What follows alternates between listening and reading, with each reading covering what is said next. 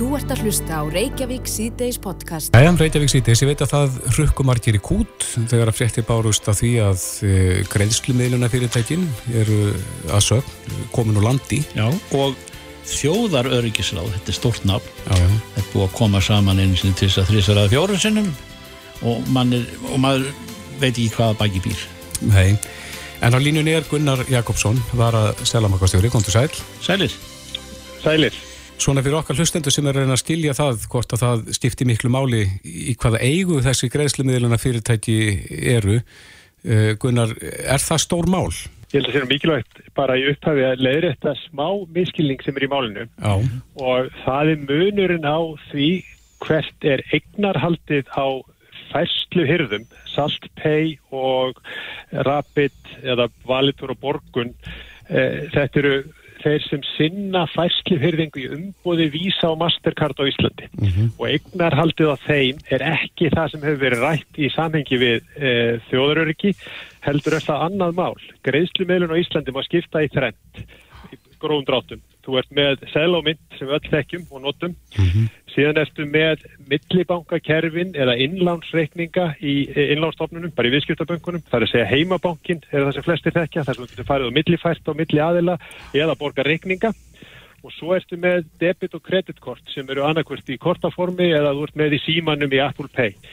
Og þessi greiðslu miðlun sem voru að tala um að væri komin í erlenda eigu millibankakerfin og mynd er náttúrulega algjörlega í innlendri eigu og það er eh, hjartað í greiðslu miðlun á Íslandi. Hins vegar eru greiðslu korta innviðnir, það er segja uppgjör í kredit og debitkorta kerfum, hún er komin í eigu og er í eigu Visa og Mastercard í eh, um 2008 þegar við fórum í gegnum fjármálakreppuna síðast að þá var debitkorta kerfi gert upp á innlendum innviðum. Og þar er hjartað í þessu sem við verðum að tala um þjóðuröryggi þar sem að ef að Visa og Mastercard myndu ákveða eða ef þau hreinlega gætu ekki átt viðskipt á Íslandi þá myndi það valda ákveðinni trublun og það átti sér næstum því stað 2008-2009 að þeir myndu hætta viðskiptum á íslensku markaði. Og þá gætu við séð fyrir okkur að neytendur sem gætu ekki nota símansinn til þess að borga lengur eða nota kortin sín lendu í vandræðum. Og það er það sem er verið að skoða út frá sjónum við þjóðuröryggis að setja einhvers konar þunna laus ofan á millibankakerfin. Þannig að sé þá hægt að nota þau með þeim hætti að þú getur tekið síman með þér út í búð og millifært á reikningum vinum yfir á reikning kaupmannsins. Þannig að peningarnir fari bara beinustu leið án þess að þurfa að hafa milligöngu þessara fyrirtækja Visa og Mastercard. Er það stór mál? að svo milliganga sér til staða Já. það gæti verið stórmál ef að þau myndi ákveða að eiga ekki viðskipti við íslenska aðila sem að næstu því gerðist 2008 Já, en að setja þetta á vikið. laggirnar, það er að segja þetta, þetta fyrirkomulega, það, er hægt geta Íslendinga sjálfur græja það? Við erum einmitt að skoða það núna og höfum verið að skoða það í svolítinn tíma. Það eru lausnir í Svíþjóð, Finnlandi, Danmörku sem eru mjög svipaðar og sitja ofan á millibankakerfum eða tengdum kerfum þar sem hægt er að beita og nota upp í símanum til þess að greiða beint út af reikningum. Þannig að ég held að sé ekkit stórmál en það þarf náttúrulega einhverja fjárfestingu, þetta er ekki ókipis og við þurfum náttúrulega að fá aðil á markaði, það er innlánstofnanir því að Sæðlabankin ætlar ekki að fara að gefa út kreditkort eða standa í beinni greiðslu miðlun við einstakling og fyrirtæki í landinu heldur munum við fyrst og fremst vinna því að koma lausnunum á framfæri þannig að bankarnir geti þá bóðið upp á þetta fyrir sína viðskiptavinni. En það sem hefur verið umræðinu núna með eignarhaldið á þessum greiðslumiðluna fyrirtækjum, er það, stifti það ekki miklu máli? Ekki fyrir þetta. Svo það getur verið alls konar sjónamið varandi það hvort að greiðst færslu hyrðarnir eigi að vera í innlendri eigu eða ekki en það hefur ekki áhrif á þennan punkt varandi þjóðaröryggi með greiðslumilin í landinu. Það er bara algjörlega ótengt því. Já, þannig að eh, maður þarf kannski ekki að, að ræðast það þegar maður heyrir af eh, nokkrum fundum þjóðaröryggisráðs neðan úr Sælabankan. Ég held að það sé engin krísa og ég held að það er engin að missa svefn en þetta er vissulega mikilvægt mál og það er heilmikil gerjun í gangi í greiðslu meðlum. Það er nú eitt af hlutverku Sælabankans að stuðlað virku örgu fjármálakerfi og þar með tali greiðslu meðlum í landinu. Þannig að við erum bara að vinna í því. já. Já, já. Gunnar Jakobsson var að selabankastjóri fjármálastöðuleika, þannig við höfum nú allan titilinninn með. Kæra þakki fyrir að stýra þetta út í okkur. Góð helgi. Takk fyrir. Þú ert að hlusta á Reykjavík C-Days podcast. Bæði Þórólfur Guðnarsson og Kári Stefánsson hafi verið svona svolítið afdráttalauðsir í sinni nálgun á hvernig eigi að tekla stöðuna. Já. Þetta er spurninginu fyrir sjámanleikan. Já, akkurat. Hann er ekki til staðar. En e, samtök fyrirtækja á veitingamarkaði hafa sendt frá sér yfirlýsingu þar sem að þeir svona taka afstöðu til þess sem hefur komið fram núna undanförnu. Hrefna Björk mm -hmm. Sverrisdóttir er stjórnokon í þessum samtökum. Komdu sæl. Sæl. Sælir. Já, hvað segir þið og hvert er svona megin intakið í ykkar yfirlýsingu? Sko, við höfum í rauninni bara um, í gegnum tíðina verið að reyna að kalla auðvitað eftir fyrirsjáðanleika sem að er auðvitað vandamál þar sem að veiran er ekki fyrirsjáðanleg en hérna hins vegar núna nýjast á útspilið þar sem að Þórólur lýsi því yfir að við munum búa við takmarkanir veitingastæðir jafnveld mánuði ef ekki einhver ár Uh, þá erum við í rauninni bara kalla eftir því að svo ákvörðun verður raukstuð með einhvers konar gögnum, tölulegum upplýsingum, varðandi smitt og hópsmitt sem hafa þá verið að koma upp á veitingastöðum um, og í rauninni bara með sterkari raukum fyrir því að takmarka starfsemi veitingastað svo mikið. Finnst ykkur það að var vantað að, að menn hafi raukstuð þessar ákvarðanir með gögnum? Já, í rauninni, af því að auðvitað hafa verið að koma upp hópsmitt á ymsum stöðum Við höfum ekki orðið vör við það að verður að koma upp hóspsmið á veitingarstöðum sem að fólk hefur, sagt, það sýtur í sætum, það kemur inn sérstu borðs, með grímu, allir spritta sig uh, og þess að þar og erum í rauninni ekki að sjá fyrir okkur að þetta sé hættulega staður að vera á heldur en aðri staðir. Það eru þetta munur á veitingarstöðum og svo þetta uh, krám og skemmtistöðum þar sem fólk hópast mjög þjætt saman, þannig að þetta eru þetta kannski ekki alveg sami sami hérna hópurinn en við hefum samt sem áður uh, fólk er að hópast saman í líkansrættastöðum það er að hópast saman á sundstöðum í dag með að vera 100 manns á veitingastöðum en 200 manns á öllum öðrum stöðum. Þannig að við í rauninni bara köllum eftir því að, að fá gögn sem að sína fram á nöðsinn þessara takmarkana á okkar stafsinni Og samræmingu á, á því sem að frá sóttvarnar yfirveldum kemur. Já en mitt mm -hmm. og svo erum við náttúrulega líka, maður eru auðvitað að hugsi yfir þessu af því að við erum náttúrulega standa, búin að standa okkur greiðarlega vel í bólusetningunum og hérna og ef við skoðum bara e, horfum til landana í kringum okkur þá verðast allir vera að aflétta og reyna einhvern veginn að finna upp leiði til þess að lifa með þessu mm -hmm. e, en án e, íþykjandi takmarkana á frelsi og aðtöfnisfólks en á meðan við einhvern veginn verðast vera að hugsa til langstíma þannig að við þurfum alltaf að vera í höfdum samt eru við að standa okkur best í bólusetningum. Mm. Hvað er það við yfirlýsingar eh, sótatalagli sem að hafa svona farið helstöru brjóstegu ykkur að undanförnu? Já, það er í rauninni þegar hann segir það hendur því fram að við þurfum að vera líklegast í uh, næstu mánuði, jafnvel ár, að þá þurfum við að vera hömlur á veitinga og skemmtistæði og er, það, er hann þá að tala um að við þurfum opnum tímin að það vera skertur og jáfnvel þá einmitt einhverja fjöldatakmarkanir og slíkt. Já, en haldið að þessi gogn séu til, það er að segja að menn geti raukstutt þetta með gognum? Já, ég ætla rétt svo að vona það að, þessar ákvæðanir sem að eru svona afdrifaríkar fyrir fólk, uh, lífsviðuværi fólks og, og þeirra sem starfa í greininni að þær séu raukstundar með einhvers konar gögnum og tölugum upplýsingum en þetta sé ekki einhvers konar geðþáttar ákvarðun. Mm.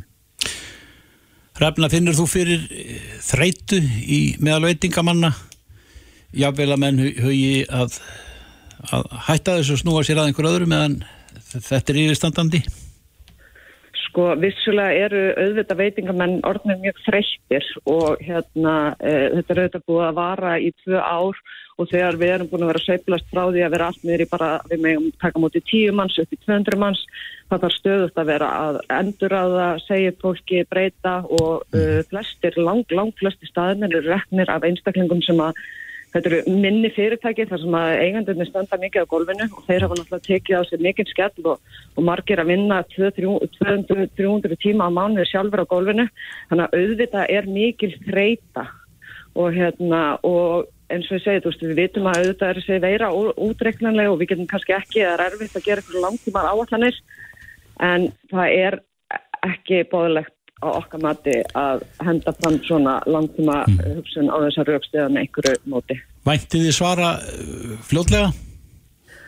Vonandi, af því að það er erfitt að fara inn í veturinn og hafa þetta hangandi yfir hvað, hvað skal gera. Eða ráða fólk í stöðunar og gera ráð fyrir því að, að við búum svo skertan 8 tíma fram í veturinn eða getum við uh, ráðið fleira fólk af því að það eru frekari aflettingar í kostanum. Já, viti hvernig þessum álum er háttað í nákvæmlega löndunum? Sko það hefur í rauninni verið að aflétta um, meira. Það er verið að taka takmarkanir og það er allir að róa í þá átt að uh, í rauninni aflétta algjörlega. Uh, á, á meðan við verðum, við verðum stekkurnið að vera að fara að taka í einhverja bremsu.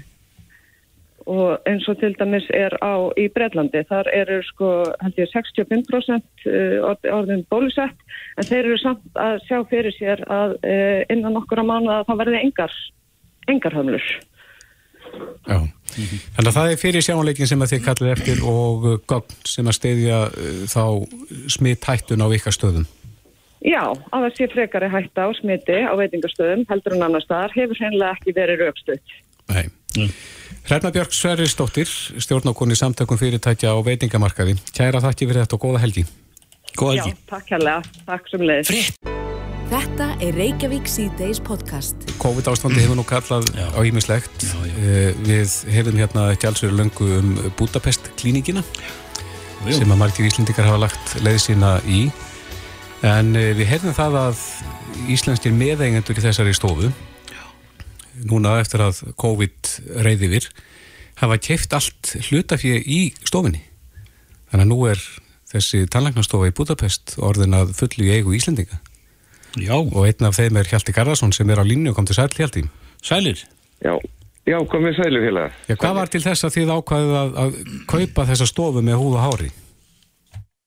Það var eh, einfallega það að eh, norsku fjárfæstarnir voru ekki tilbúinir að leggja meiri pening út af það var tíu mánu á stopp það var bara lokað út af COVID Já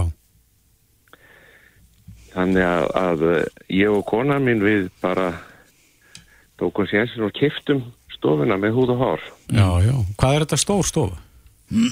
Við erum, við erum með sjö stóla. Já, já. Og, og, og stóra og góða skurstofi. Budapest er orðin mikil tannlækna borg, eh, bæði skólar og, og svo stofur. Já, hún hefur alltaf verið það og eins og ég segi, það eru margir íslenski tannlæknar eru, eru mentaðir hérna. Og, og tannlækna deildinnar bæði hér í Budapest og svo í Debrecen sem er næstasta borg Ungarlands, eru mm. mjög vinsalar mm. og þeir eru mjög framalega í tannlæknum mm. á heims, heimsmæli hverða. Já, já. En e, þið hafi lí, líka breytt nafninu eða það ekki bara í Íslenska klínikin í Budapest? Jú, nú heitir hún bara einfallega Íslenska klínikin í Budapest. Já, er, er þá ykkar markkópur aðalega Íslandingar? okkar markhópur er náttúrulega fyrst og fremst Íslendingar en við erum við erum að fá núna líka færingar sem voru ekki áður ah, og svo erum við að gera stóran samning við, við hérna, stopnun innan Evropasambansins að sjóðum alla þeirra yfirmenn. Já. Þannig að það er, það er, það er bara allt í gangi hjá okkur. Svo, svo Evropasambandi getur smæla framann í heiminn með bráður Já, já, já þegar, þegar þeir senda sína komissara til okkar og, og þá geta þeir brosa við bútið bæði mm. já, já.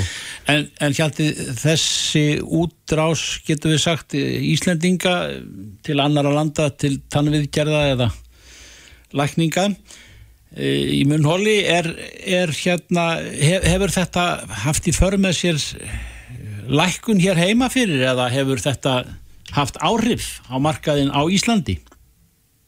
Uh, nú veit ég ekki, eina sem ég veit, ég veit ekki með verðin, Nei. en ég veit, ég veit að það hefur orðin fjölgun hjá íslensku tannlæknum, eins og núna er fólk fara að tala meira um tannlækningar. Fólk er að koma kannski hérðan frá Budapest eftir mm. stórar aðgerðir og, og með nýtt brós og þá er allt inn að fara að tala inn á kaffestofum og, og, og heimahúsum um tannlækninga sem var ekki gert áður. Neini. Þannig að það er orðið meiri vitund um það, um munnheilsu sem betur fel. Já. Já, já. En og heldur ég þú, bara vona að íslen, íslenski tannlæknar njóti góðs af því. já, en heldur þú ert nú ekki, ekki tannlækni, hvernig stendur á því að, að þú ákvæmst að hellar út í tannlæknabransan?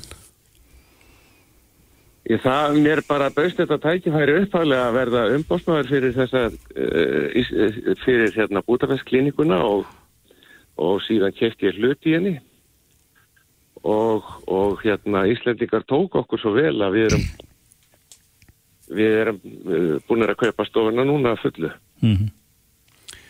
Hvað kostar einn svona tannlæknastof í Budapest? Má spyrja því? Já, já, það má alveg spyrja þig, ég ætla bara ekki að svara því. Nei.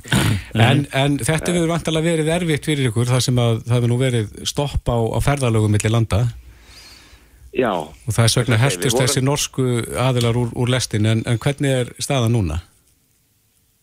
staðan hér er mjög góð Ungarlandi er grænt og ég tók saman hérna bara smitt síðustu viku og það er að meðaltalið 31 á dag í 10.000 manna samfélagi. Á meðan að þetta er rúmlega 100 á Íslandi 10 miljón, 10 miljón manna samfélagi. Já, já, já Þannig að ef, ef við tökum höfðatölu reikningin fræða þá er það eitt smitt á dag á Íslandi. Já. En Þannig að ástand, ástandi hér, COVID ástandi hér í, Ungarlandi er mjög gott og fólk er mjög meðvitað um það og það hugsar hver um sig og það er eina leiðin til að, til að kl- kljást við þessa veiru, það er að Já. hver sjá um sig. Já, þú ert að vast, ég veit ekki hvort þú ert það en þá búsettur í Noregi þú hefur samanburðin Ísland, Noregur, Ungverjaland er þetta Já. röðin dýrast á Íslandi og ódýrast í, í Budapest eða, eða er, er munurinn mikil? Það er, sko, milli Íslands og Norres er ekki mikill munur. Nei, en uh, það er 50-70% munur á verði hér í Budapest. miða við það Ísland og Noreg.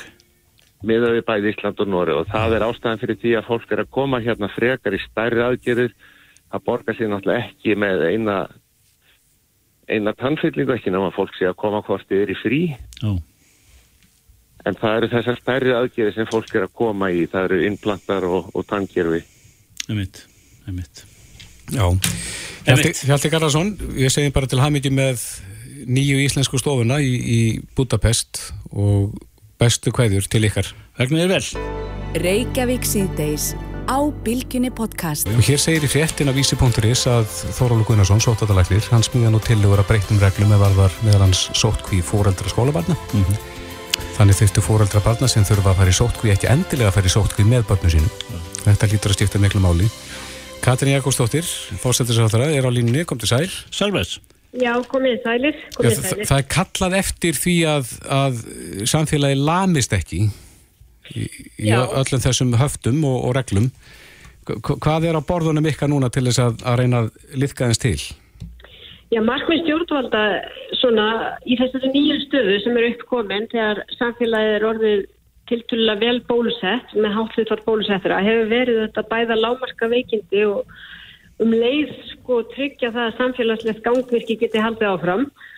Þannig að þetta eru stóru markmiðin sem við erum að vinna samkvæmt og eitt af því sem hefur verið skoðanar í því eru reglunar um sótkví. Uh, við erum þetta búin að sjá mörg smitt af undarförnu og þau hafa kallað á uh, að það að margt fólk hefur þurft að fara í sótkví og sótvaldalæknir hefur verið að skoða reglunar út frá þessari nýju stöðu uh, þannig að hann vinnur nú að breytingum sem miða þá að því að þrengja hóp þeirra sem fara í sótkví og uh, síðan eiginlega komið næsti ringur uh, segjum sem dæmi ef skólabatt fyrir sótkví þá er ekki endilega nöðsilegt að vegna þess að það er orðið útsett fyrir smiti þá þurfa fóreldranir ekki endilega að fara í sótkví heldur geta uh, í einhverjum tilvikum verið í smitgátt sem týðir að fólk getur mætti vinnu uh, farið út í búð og annars líkt en þarf að við það var varkárni og er þá kannski líka að gæta sín að það er ekki á mjög fjölmennar samkomur eða eitthvað slíkt. Eða að, ekki elli heimili eða eitthvað slíkt. nú heyrim að Katrín svona eh, heilt yfir litið að þá að þá er eins og að e, sögurnar úr útlöndum hvernig þetta er á hinnu Norðurlöndunum eða kannski helst og í öðrum Evrópulöndum þar sem að menn dásama ekki jafn e, ítarlegar og strángar umgengnisreglur við í COVID-inu og, heldur að sé eitthvað til í því erum við katholskarinn Páinn Já, sko, við þurfum þetta bara að meta stöðuna eins og hún er hér hjá okkur og ég meina það er alveg rétt. Við erum til dæmis með stránga reglur og landamærum með að við aðra. Við erum ekki með ósambærlega rástafanir til dæmis í fjöldatakmörkunum og, og hvað varðar opnuna tíma eins og Norðurlöndin. Þar eru mjög víða sambærlega fjöldatakmarkanir og, og takmarkanir á afgriðslu tíma e, bara og skemmt í staða. Þannig að við erum nú ekki fjari lægi þar en uh, reglur okkar um sótti og, og smittrækningu og einangrun eru tiltölulega strangar. Mm -hmm. uh, það kannski byggjum við líka á reynstunni því þetta hefur verið svona grundvallar þáttur í okkar uh, taktík í að kljást við faraldurinn og höfum auðvitað náð einstökum árangri sérstaklega þegar kemur að rakningu smita. En við erum auðvitað líka að horfa til þess að staðan er önnur með þetta háa bólusetningar hlutfall og þess vegna er nú verið að vinna breytingum á þessum reglum. Við erum svona fót okkur áfram í það að hvernig við getum einhvern veginn sem samfélag lífað með veiru uh, í ljósi þessa góða uh, bólusetningar hlutfall. Já, verður þú verfið þessa þreytu? Ég heyri mikið í kringum mig og maður heyri það bara fólki almennt að, að þessar stanslösu COVID-fréttir Uh, fólk bregður sér til útlanda og það, er bara allt annað upp á tegninu það. Það er ekkert verið að ræða þessi mál af svona miklu þunga eins og hér. Nei, Við Íslandingar erum kannski svolítið svona tökum allt sem, með svo miklu tryggi en sko, jú, jú, auðvitað verðum að varfið þreytu og margt fólki í kringum mig til að mynda búið að vera í sótkví núna í tengslu við smið sem hafa komið upp á leikskólum og annað. Mm. og, og það er auðvitað þreyta í fólki vegna þess, eðlilega. Þannig að, hérna, ég vil bara segja það, við erum þetta búin að vera í þessum í eitt og halvt ás og mm. það reynir á bara hvernig einasta mann. Og hérna í raun og veru stórmerkilegt að hvað þetta hefur gengið sko í raun og veru vel samt og hvað fólk sýnir þessu mikinn skilning. En það er líka mikilvægt að munna við erum að vilja með þessi tvö markmið og til þess emitt að við getum leikst samfélagin að vera mm. bara best uh, virkuð þá held ég að þetta er mikilvægt einmitt að endur skoða þessar reglur. Og annars er við erum með á borðinu en er ekki alveg komið uh, af stað en við erum svona að vinna með. Það er hvort að það sé hægt núna að fara að nýta hraðpróf í auknum mæli í tengslum þá við stærri viðbúli. Hraðpróf sem að verða tekinn hvar og af hverjum? Já, það er náttúrulega það sem er unnið að útfærsla á og er verið til skoðunar og þá hugsunin svo að fólk geti uh, nýtt sér saðpróf sem er hægt núna. Uh, það er hægt að sækja sér saðpróf á ymsa staði. Uh, mér skilst til dæmis á BSI geti ferðamenn svo sér saðpróf sem þeir geta svo nýtt til að fá neikvægt vottor þegar þeir fara úr landi. Og það sé þá hægt að nýta þessi saðpróf á, á fleiri staði en engungi í þeim tilgangi. Er, er það það próf sem að fólk bara meðhandla sjálft, bara upp á hótelherbyggja eða heima hjá sér? Já, þetta er hérna gert til að mynda, það eru bæði til sattrók sem eru framkvæmt af sjálfu starfsfólki og síðan eru til aðrar gerðir af prófum sem fólk getur meðhandla sjálft.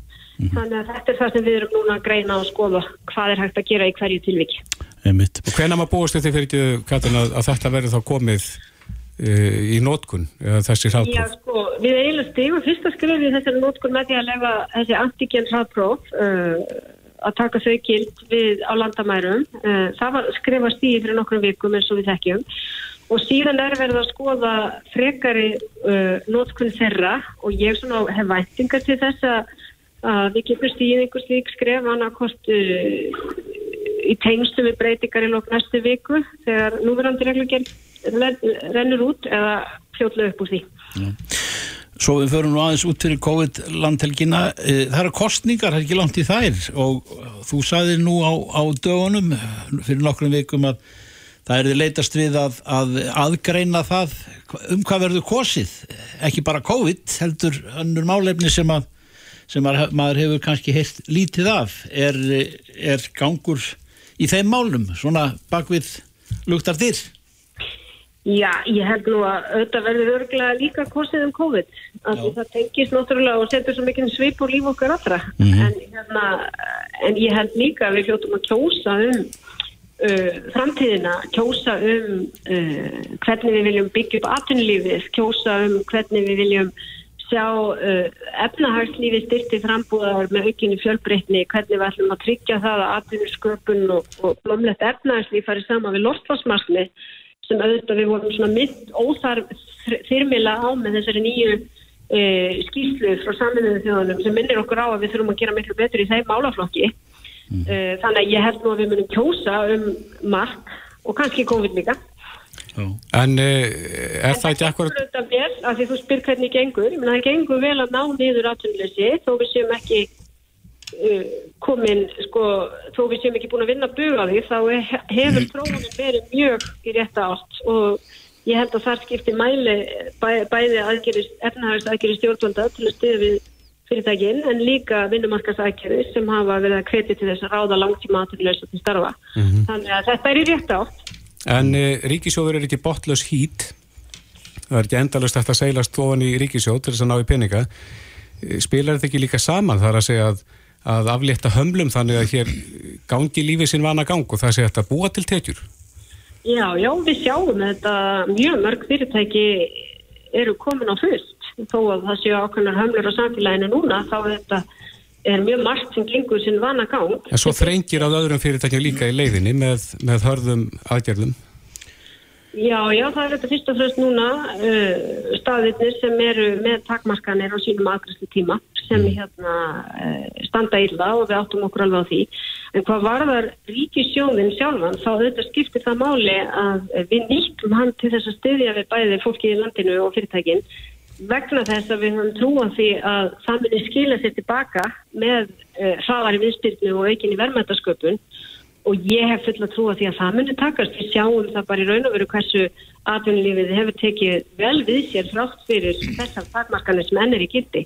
Þannig að hérna, ég er mjög bjart sín á framtíðina að það varðar. Ég held að verkefni verði líka hins vegar að tryggja þess að fjölbreytni og þar höfum við verið að þjáttast að bæði nýsköpun og rannsóknum og þekkingu til þess að tryggja þessa fjölbreytni og aukna verðmætasköpun til framtíðar. En hvernig sérðu fyrir að það verði best fyrir landið að, að búa til erlenda tekjur til þess að við eigum nú fyrir öllu þessu?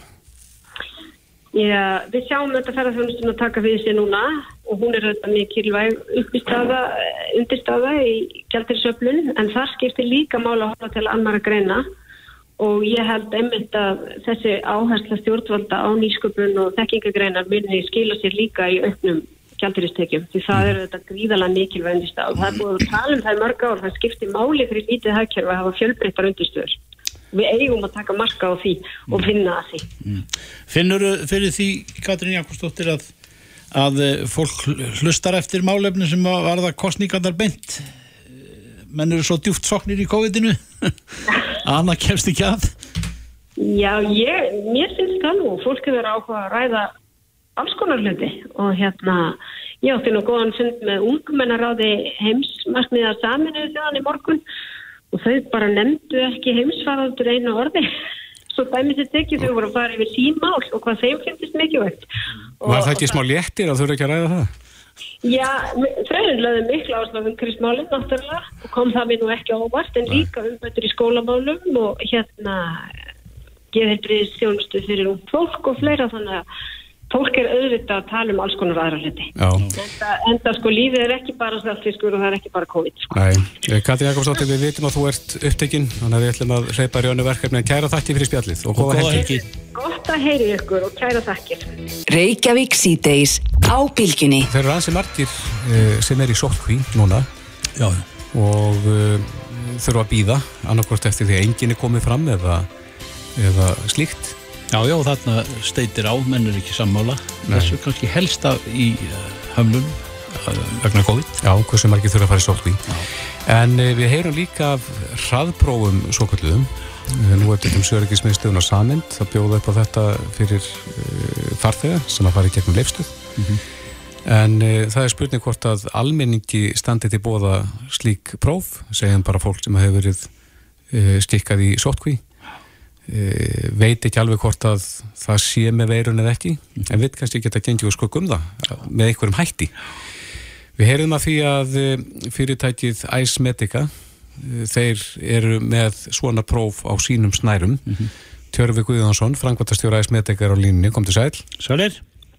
Góðan Eru þessi hraðpróf sem að þið eru með leifi fyrir virka þau svona svipað á þessi hraðpróf sem er bóðið upp á við lefstuð?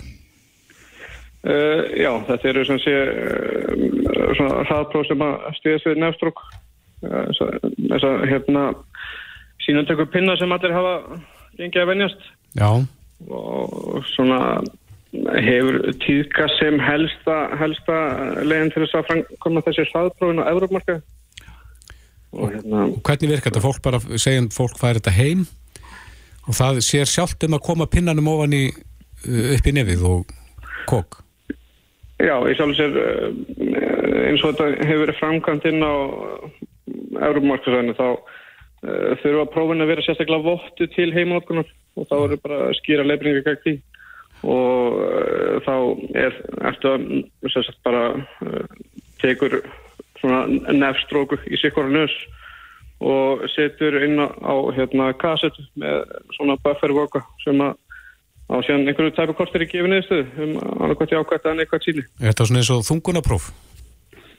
Já, þung, þungunaprófi í nefið, þannig að. Já, akkurat. en eh, er eitthvað djúpt af því að þið fái leiði fyrir því að selja þetta almenningi?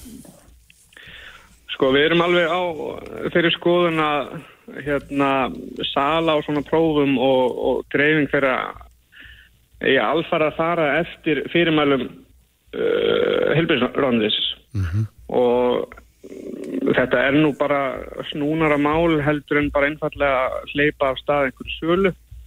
Uh, próf þurfa bara að uppfylla á einhverja staðla sem að það er bara alls ekki allir framlegendur sem að fylgja því eftir mm. og um, það er bara hitt besta mála að ráðneiti hérna sækir sér sem flestar upplýsingar um þau próf sem að þau vilja að gefa leiði fyrir og, og skýringar á þeim sko tölfæli upplýsingar sem að prófin segja til um að þau nái til í sem sé sem niðurstöðunum að prófaninnar skili því sem að þær stendur á bóksunni þetta bara það er í svona sér kjör, kjör máli sem þetta snýstum að, hérna, að fólk sé að fá góða vöru í hendunar en ekki, ekki einhverjar já, falska niðurstöður þegar eh, erum að bjóða upp á þetta hendifóls.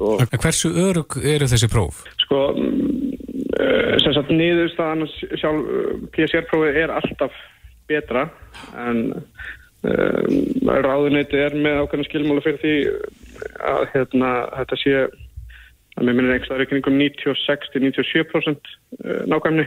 Mm -hmm. og, og sérstaklega rannsóknir fyrir hvert og eitt próf sem að á að fá leiði hérna heima þurfa að sína fram á, á að þetta þessi tala standist algjörlega. Er þetta algengt eh, í öðrum COVID-löndum en, en Íslandi? Þar að segja að eru margir á höttunum og eftir því að, að, að komast yfir hraðbróf sem hættir að selja almenningi og, og, og flýta fyrir? Eh, þetta er svo sem orðið dalett brauð vísvar í Evrópu. Já. Eh, þú sé það að margar þjóðir hafa bara tekið upp á því að, að senda hérna Eh, bara frí, ákveð, ákveðin skamta frí um prófum heim, heim til hvers og eins oh. þannig að þeir, þeir hafi tök á því að, að taka sína og sér bara nokkuð svona með vikuna og, og þannig betur fylgjast með eigin bara sóþörnum og, og smittættu og, og sko eins og við höfum gett að ég er heima þá er vissilega mjög gott aðgengi að PCR-prófunum mm -hmm. og, og það má segja að það sé svona belti þjóðarnir í því að við séum að passa upp á smitin og ef við förum út í það að almenningur fái almenningur og kannski fyrirtæki hvernig sem að það verður seint þá erum við svona kannski að fá okkur belti og axlabönd. Og það er kannski bara hennu góða ef framkvæmdinn er eins og sé fagleg og rétt. Já. Þannig að, að vonið standa til að þetta geti í ykkar huga orði jafn þjált og, og gengi fljótt fyrir sig og, og þú veist um dæmi út í Evrópu hjá framlegundum á svona hraðbróðum? Já, vissulega, það væri, ég svo segja, það væri óskandi og gaman að, að fólk, fólki stæði þetta til bóða en, en ég bara ítrekka enn og aftur, það er mjög mikilvægt að við fylgjum því sem að ráðunitið leggur til í þessu og, og framkvæmdinn sem að þau vilja sé höfða á þessu. Þetta er, þetta er, þetta er vissulega smitt sjúkdómur og, og mm. það þarf bara, bara bera mikla virðingu fyrir þessu ferli og skráningunni sem að hérna, fyrir stað hjá ríkinu mm. varandi það sem síkjast og fyrir. Ja, þetta getur mildað áhyggjur þeirra sem eru kannski í sótkví? Já, ég, ég svo sem get ekki alveg satt um hvernig, hvernig þetta tækja sótkvína en það, fyrir að ráða menn að svara því en þetta, þetta myndi mögulega hérna auðvitað fólki að hafa kannski eh, svona and, anda léttar í sínu heima umhverfi. Akkurat. Það er margir sem eru kannski með eh, ólitt, konur sem eru ólittar á heimili mm. hafa ekki komist í bólusefningar eða slíkt. Uh, það, er, það er mjög stert að geta tekið eitt prófa og nú kemur ég heim út bara til þess að það er líkur að þú komir inn á þitt heimili smittar séu þá bara ölliti minni. Já, en hvort er aldingara varandi þessi heimapróf eða hraðprófað að neikvæðir greinist jákvæðir eða jákvæðir neikvæðir?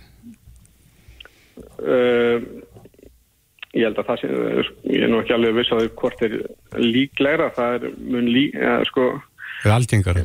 Ég held að sé meiri líkur að þú greinist hérna Ég, ég, ég þór ekki alveg að segja tölvan að það Nei, akkurat en, en, en, en þetta er flytt af því sem að fellu undir það sem að ráðuniti krefst af þeim prófum sem að þau veita heimild fyrir sko. Já, þannig að þeir sem að greinast jákvæðir í þessum prófum að þeir geta þá farið í PCR-próf svona til þess að ganga 100% skuggum hvort að um, smitt að ræða.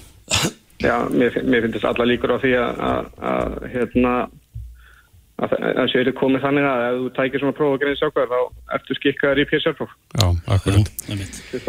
Og hérna það er svona já, það, þetta er eitthvað sem að þarf að hafa mjög góðar hendurum og ráðuniti er bara svo best ég viti að sinna því vel og, og hérna mikilvægt að það sé tekinn rétt próf hinga til hans Akkurat. ekki bara mm. hvað þeim er. Tjörfi Guðvarsson, frangotastjóri hjá Æsmedica, kæra þakki fyrir spjallið. Takk fyrir þetta. Reykjavík síðdeis á Bilginni podcasta Jæja Þorgir, þá fyrir við svona hvaða hverju að syklinni fréttir Já En uh, við höfum talað um brífi póskassa Já Og það er spurt uh, og ég hef heyrt marga talemyndarendar í kringum mig mm -hmm. að kommentarkerfin inn á netfréttavilunum eru hægt að sjást hjá mörgum. Er það út af efni sinni haldið kommentana sem að menna að dreyja í gardínunda fyrir? Ég veit það ekki. En sumir eru fegnir, það þurfu ekki að sjá þetta lengur, en, en aðri veltaði fyrir sig hvað er eiginlega um að vera aðna. Haldur Tinni Svensson, reitstjóri Vísis er komin til okkar, velkomin. Sælir. Sælir. Ja, hvað er í gangi? Ja, það er vonið spyrjið. Þetta er raun og veru, við byrjum að sjá þetta í vor mm -hmm. uh, og, og hérna margir notendur og þá sérstaklega í símunum okkar þó að maður hérna, sjáu komentarkerfi en þá í, í flestum tölvum eða þannig en það sem að, e, býr hérna baki er hérna Európa-lögjöf sem að varðar hérna, netöryggi og, og hérna þetta með að, að teknifyrirtæki með ekki uh, geima nema svo og svo af upplýsingum um því og svo framvegs mm -hmm. Uh, og flestir veðmilar hér á Íslandi notast við hérna, kommentarkerfi frá Facebook. Og þar það, tekni þar á bakvið notar vafrakökur sem að hérna, Europasambandið uh, er, er að setja hömlur á Þannig að það þarf að mæta alls konar einhverju krítiríu til þess að sjá þetta. Þú þarfst að lokka þér inn á Facebook og hafa veitt ákveðið svona, hérna, veitt vafranum eh, ákveðið réttindum að hann megi geima einhverju kökurunni og svo leiðis. Mm -hmm. En við höfum samt ekki síðan þetta ennþá, höfum ekki ennþá fengið til að virka í síminum okkar. Þannig að þeir verðast eh, ennþá vera einhvern veginn að finna út úr þessu. Þetta er svona tiltila nýskollið á byrjum að sjá þetta í vor en svo kikka þetta algjörlega inn núna eins og í júni og þá bara sér maður þetta ekki lengur í símanu sinu ekki einu sinni þó farið í gegnum Facebook sko. Þetta er sem sagt Európusambandin að þakka eða kenna. Já, það er það. Það er ekkit annað. Og fólk getur ekkert gert til þess að, að geta sér þetta. Já, eins og ég segi, við höfum ekki ennþá, þú veist, við erum náttúrulega sjálfur búin að eitthvað, hérna, leita okkur upplýsinga og fyrir einhverju stillingum og, og sjá hvort það sé leið eða hvort að við getum gert þetta á einhvern réttan hátt, þú veist, þannig að hérna, uh, það sé ekki eitthvað skrítið hérna, samband millir okkar og notandans, en það er ekki komið þó, þannig að maður er svona að býða eftir kannski að Facebook uh, finna einhver lausna á þessu eða þannig. Já, þú segir þetta sé aðalega í snjalltækjunum en, en uh, ég var nú bara að prófa þetta hérna náðan í tölvunum minni og, og ég sé ekki kommentarkerðin þar. Er, er þetta líka gerast í bara vennilegum tölvum? Já, væntalega þá að ef þú ert ekki loggaður inn á Facebook í, í þessum tiltekna va- vafra þá, þá hérna, byrtist, byrtist það ekki. Já. Er þetta vandamálið eða er þetta kostur? Það er náttúrulega bara persónubundi svolítið sko, við hérna höfum alltaf litið á kommentarkerfið í raun og veru sem viðbót og auðvita eins og allir eru meðvitaðir um að hafa komið vandamál uh, endurum og eins um, með þá að fólk sé ekki að hafa sér nú vel í kommentarkerfinum og við höfum ekki alltaf komist yfir að fara yfir þetta og taka út ljót komment eða þegar að vaði mannin en ekki málefni og, og, og svo framvegis. Um, þannig að sumum finnst það eflust vera kostur. Og við í raun og veru þú veist, við viljum að, bjóðum bara líðræðislega umræðum við viljum að fólk geti skipst á skoðunum og helst í raun og veru að umræðan við fréttir bæti einhver við fréttina. En eins og þið viti þá er ekki alltaf svo. Og í raun og veru sett, inn á Facebookinu sjálfu í grúpum og, og, og, og hérna við færslur þar, þar er eiginlega svona hvað viltasta umræðan og, og stundum blöskramanni, ég, átta það alveg. En e, nú er, nú er stundum beðið um komment á eitthvað sem að fer fram í útastætti, það við erum í útarpi og uh, það er sem sagt ekki hægt. Já, sko, fólk getur náttúrulega, sko, innan, innan Facebook er, er alltaf, uh, þú veist, hægt að koma. Það að segja, inn á Facebook er nokkurinn grúpum og í þráðum þar, veist, það er bara, er eins og það er, þess að úti á vefjunum sjálfum það sem þeir eru að spýta inn þessum kassa frá Facebook, veist, það, þar eru þessi vandræði og þá sérstaklega í símanum, þannig að bara til dæmis Apple og veru Google líka, þeir hafa e, þeir e, svona fara fram með fyrir skildi í að reyna að innlega þessar reglugerðir og, og passa upp á notenduna, þannig að þeir eru byrjaðir að, græja þetta. Já, þannig að það er ekkert sem að notandi getur gert eða þið, þetta liggur hjá Facebook. Já, já, það, já og, og þú veist, bara, uh, þú veist, ég býst fastlega við því að með árunum þá muni í raun og veru, þú veist, uh, tó, þessi tól þróast þannig að það sé ekki verið að byggjum einhverjar upplýsingar og, og mikið upplýsingum, þú veist, ekki við áhuga að, að fá nefnir upplýsingar um þessar notendur, við viljum bara að þeir geti skist á skoðunum, þannig að í raun og veru, þú veist, býðum að bara eftir því að það sé ekki, þessi tól séu ekki að, að, að þú veist, taka einhverja upplýsingar frá notendum og þar leðandi Halldór Tinni Sveinsson, Ritstjóri Vísis, takk fyrir þetta, takk, takk fyrir komuna.